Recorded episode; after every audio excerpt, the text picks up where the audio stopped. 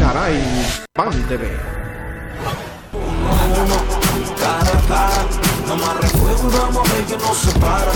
Hace unos días salió un anuncio eh, diciendo que iba a hacer un cara a cara de nuevo. cara a cara, frente a frente outra vez. Ola, gustanos invitar ao cara a cara de Pontevedra Viva Radio a persoas con experiencias dignas de contar. Este é o caso do noso invitado de hoxe, Emilio González. Trátase dun artesán, ou máis ben podemos decir dun artista da pedra, el é un profesional da cantería e ademais está levando a cabo un proxecto impresionante, monumental, en Barcelona, o da Sagrada Familia.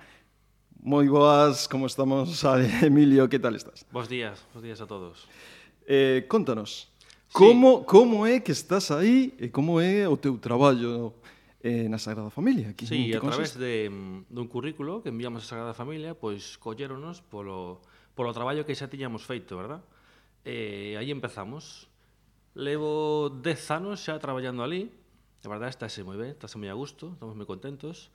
E, eh, eh, desde Barcelona cara a Galicia, vindo da Escola de Canteiros, un lugar tan recoñecido, pois queríamos dar unha mensaxe de que mm, Nos queremos eh, que a Escola de Canteiros evolucione, que este ao día, que sea máis punteiro do mundo por as eh, pedazos de instalacións que ten.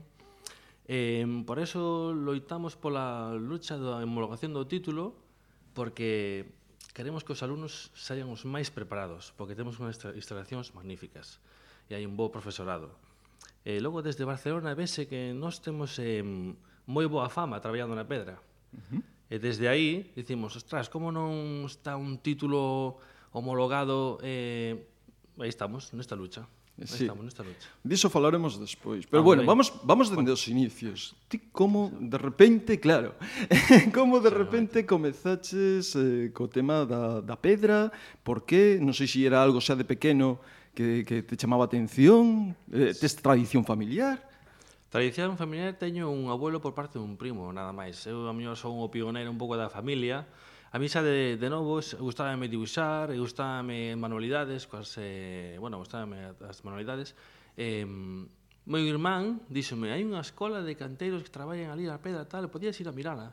E xin, oh, fixo moi gracia. Eh, fun mirala, fun me informar, eh, así empezou todo, fixe un exame de acceso aprobado, eh, así transcurrir, transcurriron super rápido, Por eso dixo, digo aos alumnos que aproveiten todo o máximo posible o tempo ali, aprendendo dos profesores, eh, dos alumnos, sobre todo dos alumnos que son os que están aí codo con codo. Uh -huh. eh, e a partir de aí, bueno, fixen os cinco anos, despois dos cinco anos eh, fixen un proxecto escultórico, despois eh, traballei nun aserradero, eh, traballei pola miña conta, hasta chegar a Barcelona, onde enviamos o currículum e ali aceptáronos, aceptáronos moi ben.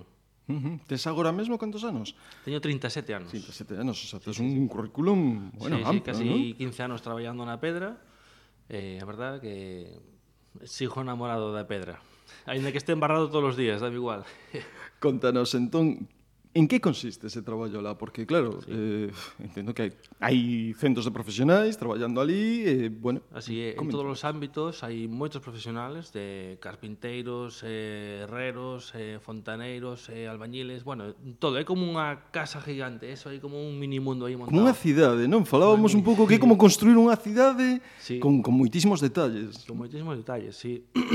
A obra de Gaudí, é impresionante eh, eh, en nós o, o traballo que facemos ali de todo de, de restauración, colocación retoques, texturas eh, así, de todo o que eh, de diferentes alturas, podemos estar tanto a 80 metros como a 20, como a 30, onde hai un retoque de pedra, aí están os canteiros gallejos. sí. Porque claro, aparte de ti, hai outros tamén e hai eh, algúns procedentes tamén da Escola de Cantería de Pollo, non? Sí, ahora mismo somos tres canteiros, os tres estudiamos na Escola de Canteiros, eh, fixemos os cinco anos, eh, somos os que mm, os que tocamos a pedra lina na Sagrada Familia.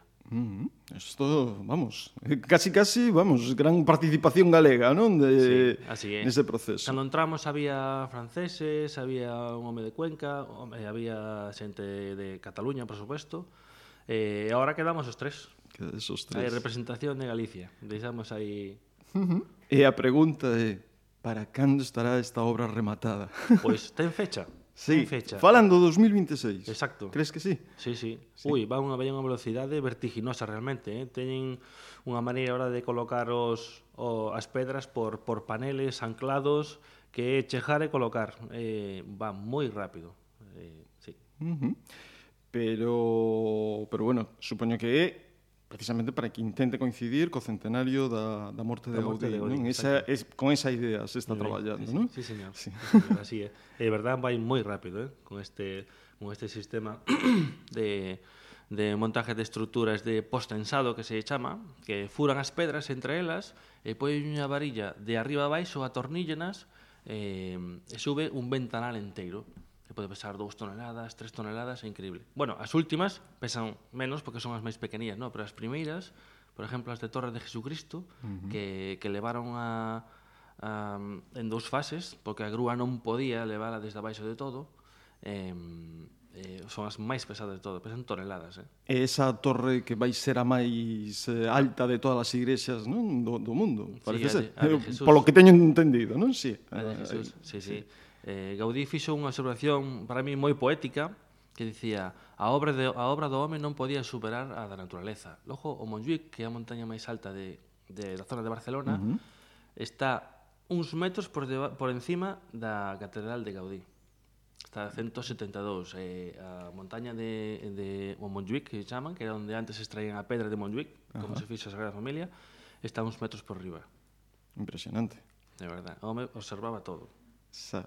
E eh, precisamente ese tipo de detalles porque comentan que as columnas que se están a traballar ali, por exemplo, eh claro, son únicas, non hai ningún tipo de columna como con con ese tipo de deseño, con ese tipo de forma no mundo, non? Sí, exactamente. Esas esas columnas eh Gaudí, Gaudí vino nunha nunha pequena rama eh como facía como unha forma geométrica que se giraba sobre si sí misma e facía aristas moi grandes hasta, hasta moi pequenas, no? Uh -huh. eh, a partir de aí eh, fixo todas as columnas da base do, do Pla de Temple para, pues, para arrancar que os que sustenta todas as torres da Sagrada Familia, os dos catro apóstoles, e a de a María e, e a de Jesucristo. E iso supoño que leva un traballo moitísimo maior que facer unha columna tradicional, non? Sí, das que sí. coñecemos habitualmente. Así é, realmente, hoxe en día fai no, farán as máquinas, e despois retócanos os canteiros da zona, non? A Sagrada Familia traballa con varias empresas exteriores, unha delas aquí de, de Galicia, en Lugo, uh -huh. eh, e todos traen as pezas eh, feitas e na Sagrada Familia colócanse, porque non hai espacio. No o problema é o espacio. Logo teñen que depender de, de empresas exteriores que fan as pezas, eh, retócanse nunha nave moi grande que, ten, que temos en Galera, ali colócanse eh, e xa veñen colo, eh, ancladas para colocar ali. Explícame iso de que non hai espazo. A que te sí. refires exactamente como que non hai espazo para poder traballar ali, entendo? Ou sí, como... exactamente, uh -huh. porque mm, a Sagrada Familia ten esos eh, mil metros cuadrados que están en crecimiento. Despois, el ojo, eh, nos, por exemplo, temos un taller pequeno, está elevado, é donde preparamos as pedras que veñen a mellor defectuosas ou hai que retocalas. Eh, non hai espacio porque esas pezas tan grandes, esos ventanales que veñen a mellor 5 ou 6 ao día, pois non tes espacio suficiente como para movelos, porque miden o mellor 3 metros por 3 metros, e, e, e eso, entre os turistas que teñen que andar un poquinho apretados para que non haga ningún accidente, pois quedamos en sitio. Quedas en sitio. Está todo planificado para, para facer a obra. Realmente, o noso o taller, dentro de mellor dous anos, xa desaparece. E temos que mobilizar para outro lado, mellor, mellor para 45 metros, e... Eh, eh, apañarnos un pouco como poidamos para resolver os pequenos problemas que vayan sucedendo por toda a obra. Sí, é todo estrategia, non? Sí, un pouco de, de...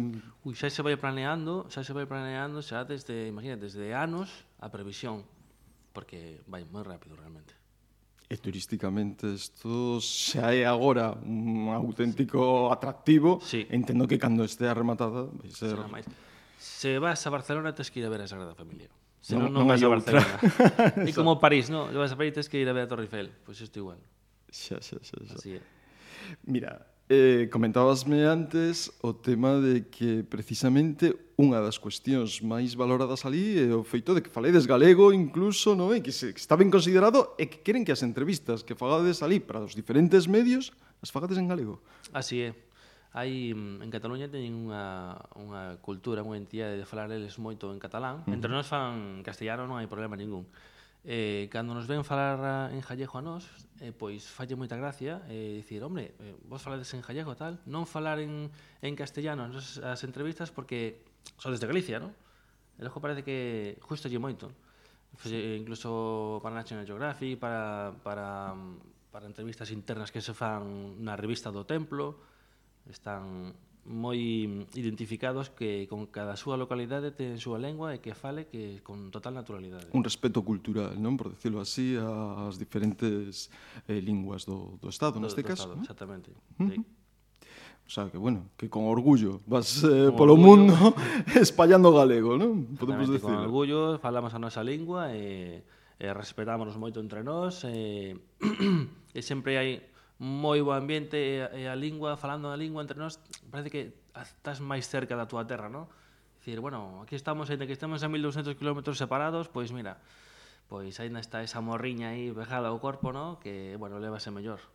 E mira, aproveitando, porque este tema está aí, pois vouche preguntar o tema da, da independencia de Cataluña, como vive un galego esa situación ali, non sei se a ti te afecta de alguna maneira, Sí, realmente, pues, eh, directo e indirectamente afecta porque eh, eu eh, nacín nun país, España, unido, eh, en que ten as súas diferencias, vale, político-culturales, pero mm, eu nacín con esa cultura. A mí justamente, que España sea unida, sea moi fuerte. España é moi fuerte, desde a historia xa foi moi fuerte, nunca foi... Uh -huh se, separada nin distanciada, incluso cando cos gravísimos problemas que tivemos no País Vasco, pois non se rompeu a, a unidade, E ahora con estes temas de, da política catalana que están bastante queimados co tema dos prosos políticos, pois eh, eles teñen ese rencor de en plan queremos eh, que os quiten da cárcel, aínda que a mí non me parece moi ben porque porque mm, pareceme que se riron un pouco de toda España, pois facendo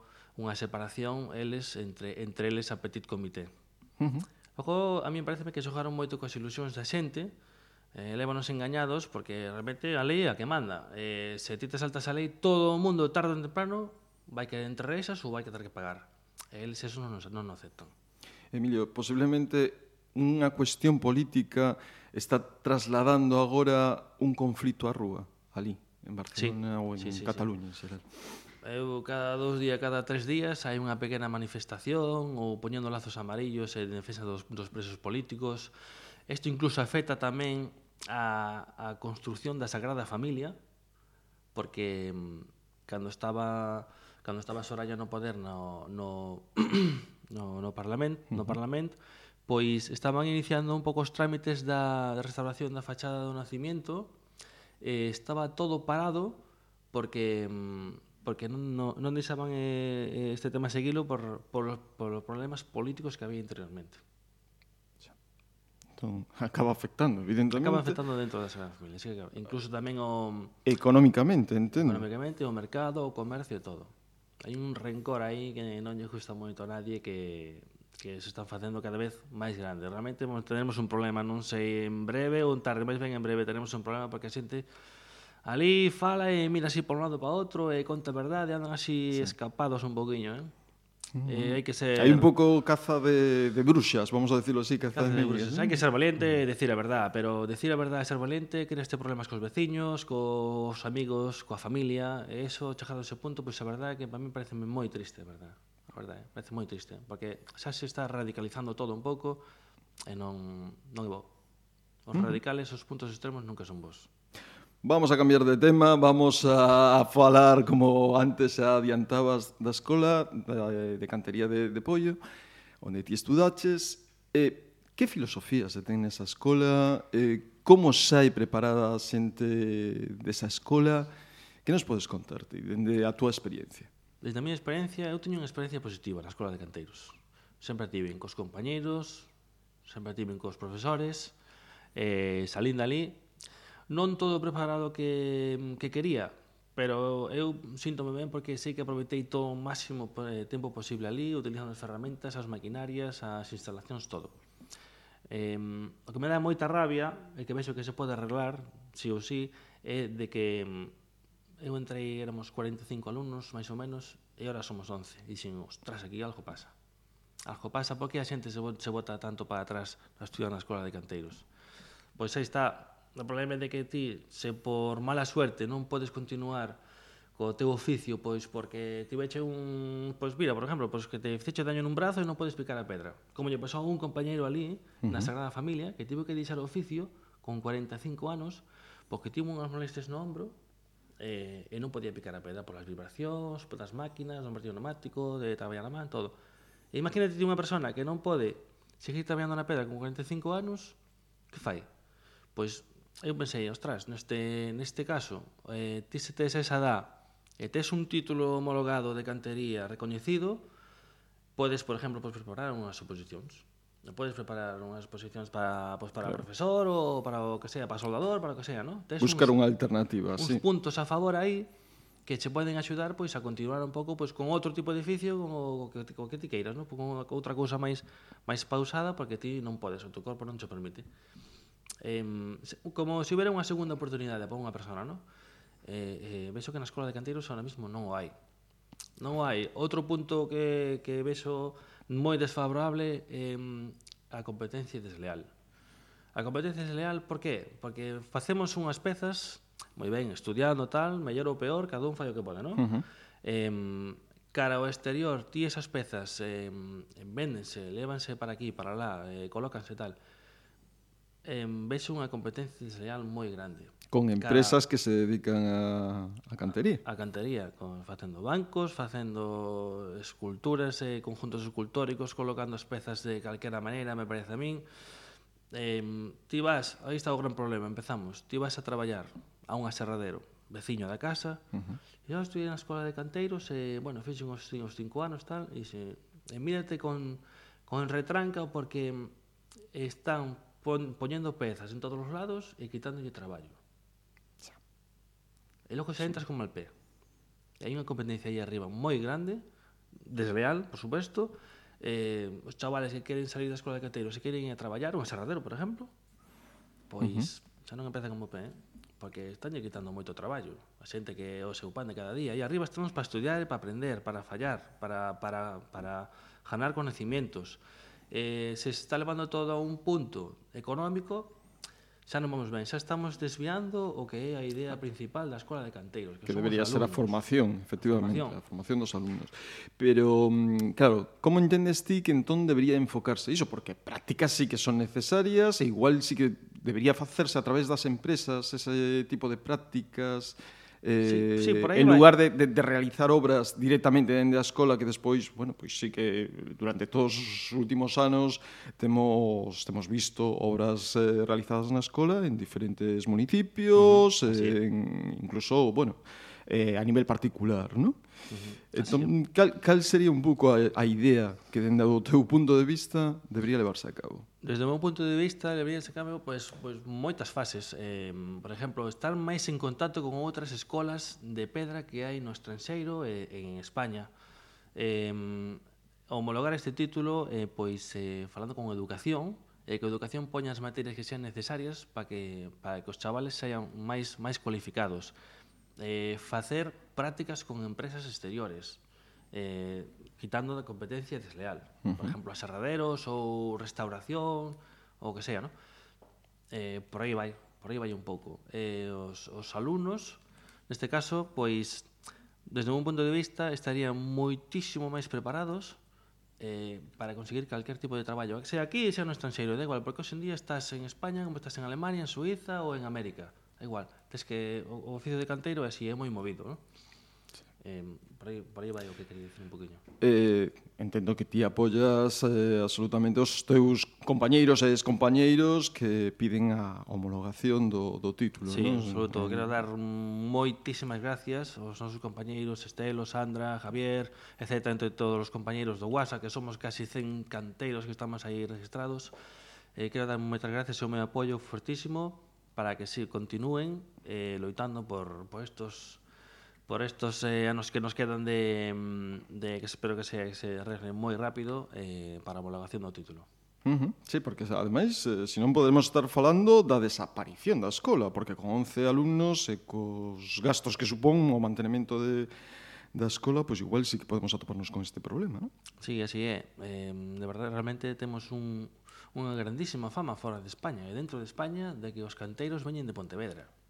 Sí. Eh, aí está a grandísima pena que sería que esta escola desaparecería. Nós non queremos que a escola desapareza, que nadie pense eso. Nós queremos que a escola mellore. Mellore, sobre todo para os chavales que están estudiando ahora. Ahora mismo nós, pois mira, eh, sí que nos nos gustaría ter unha, unha homologación do título, pero xa estamos, nos xa estamos encaminhados, xa temos o noso, o noso traballo, igualmente, venos igualmente ben, pero os chavales uh -huh. que están agora estudiando teñen que estar eh, moi agradecidos polo que a xente sin ánimo de lucro está loitando para que isto salga para diante. Claro, porque haberá xente que diga, bueno, mira, o caso de Emilio está traballando na Sagrada Familia e non ten homologado o título, non? Pero, pero en todo caso, sempre sería positivo ter esa homologación, eh, sobre todo para estas relacións eh, presentes e futuras, non? Sí, Isto, a verdade que estamos moi ilusionados, temos moita, moita forza. En breve nos faremos unha, pancarta, unha pancarta tamén en Barcelona apoiando o título de, de, de Canteiros, o título homologado de Cantería. Eh, isto é un... Isto xa se empezou a mover, xa empezou a rodar. Uh -huh. Estamos con moita ilusión e con moita forza. Mira, eu quería introducir outro tema, porque falabas antes dun compañeiro que sufrira unha, unha lesión. É unha profesión de risco. A cantería como tal Como se pode entender? Porque, bueno, tamén houve casos aí atrás onde se falaba do traballo co granito, non? De, do sílice... Sí. De que maneira eh, levades vos, como profesionais, este tipo de situacións? Sí que é unha profesión de, de risco, sí que é.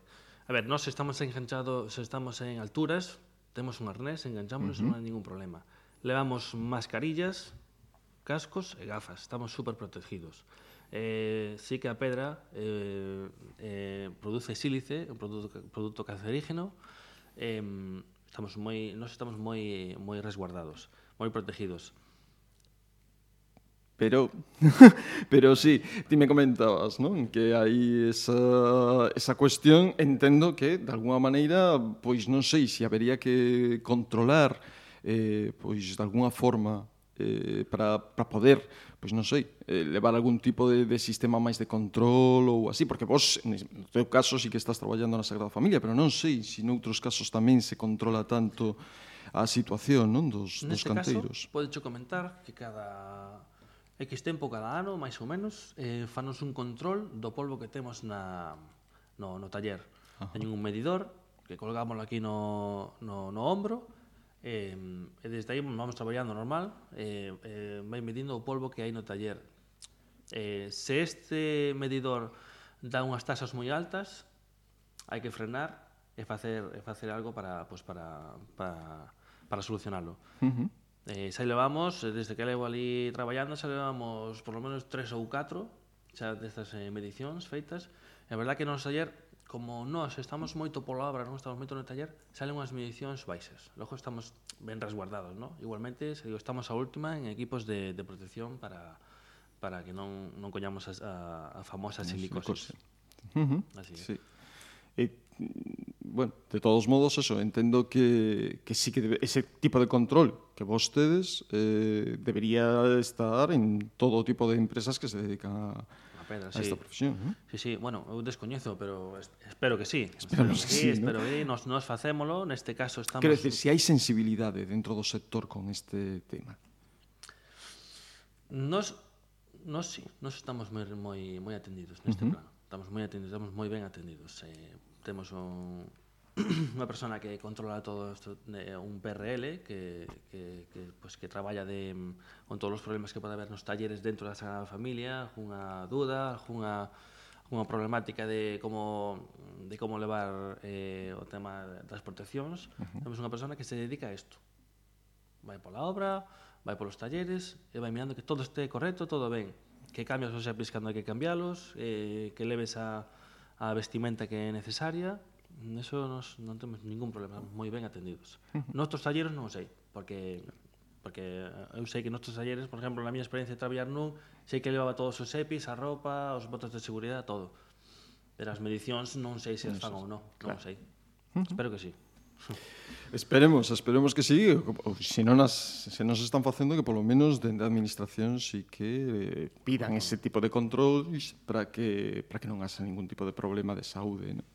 Eh, eu quería preguntarche agora por os plans de futuro, porque se si no 2026 rematamos coa Sagrada Familia, que vai facer Emilio González no futuro? se si xa ten algo previsto. Sí que teño que ser previsor. Teño que ser previsor porque teño unha familia, teño unha filla, Estou moi contento. Eh, sí que en uns anos gustaríame volver á miña terra, pois para seguir o oficio. Eh, e gustaríame moito, porque se levo xa 10 anos ali, eh, e xa, xa estou con, con ganas de volver. Xa morriña volver. empeza a tirar, non? Xa a necesidade de volver a, a casa. De enseñar o que sei e de, e de, e de seguir co oficio para diante, e seguir axudando a homologación, e seguir cos meus compañeiros, seguir, eh, seguir para diante. Uh -huh. Porque evidentemente en Galicia hai moito que facer eh, en relación coa pedra, non? Eu non sei, eh, por exemplo, eh, en Pontevedra, todos os eh, cambios que se están a levar, non? De reforma urbana e demais, Que vos parece? Eh, eh se traballa con, mm, agora, sobre todo, con bloques de granito, non? Xa, xa ah, elaborados. Non sei se... Si, que, que impresión tedes vos deste tipo de... Eu cando chego, a ver, estou un pouco eh, desconectado, porque, pero, por exemplo, eu cando chego, por exemplo, sei que a miña calle puxeron a toda empedrada dado 15 eh, de pedra, uh -huh.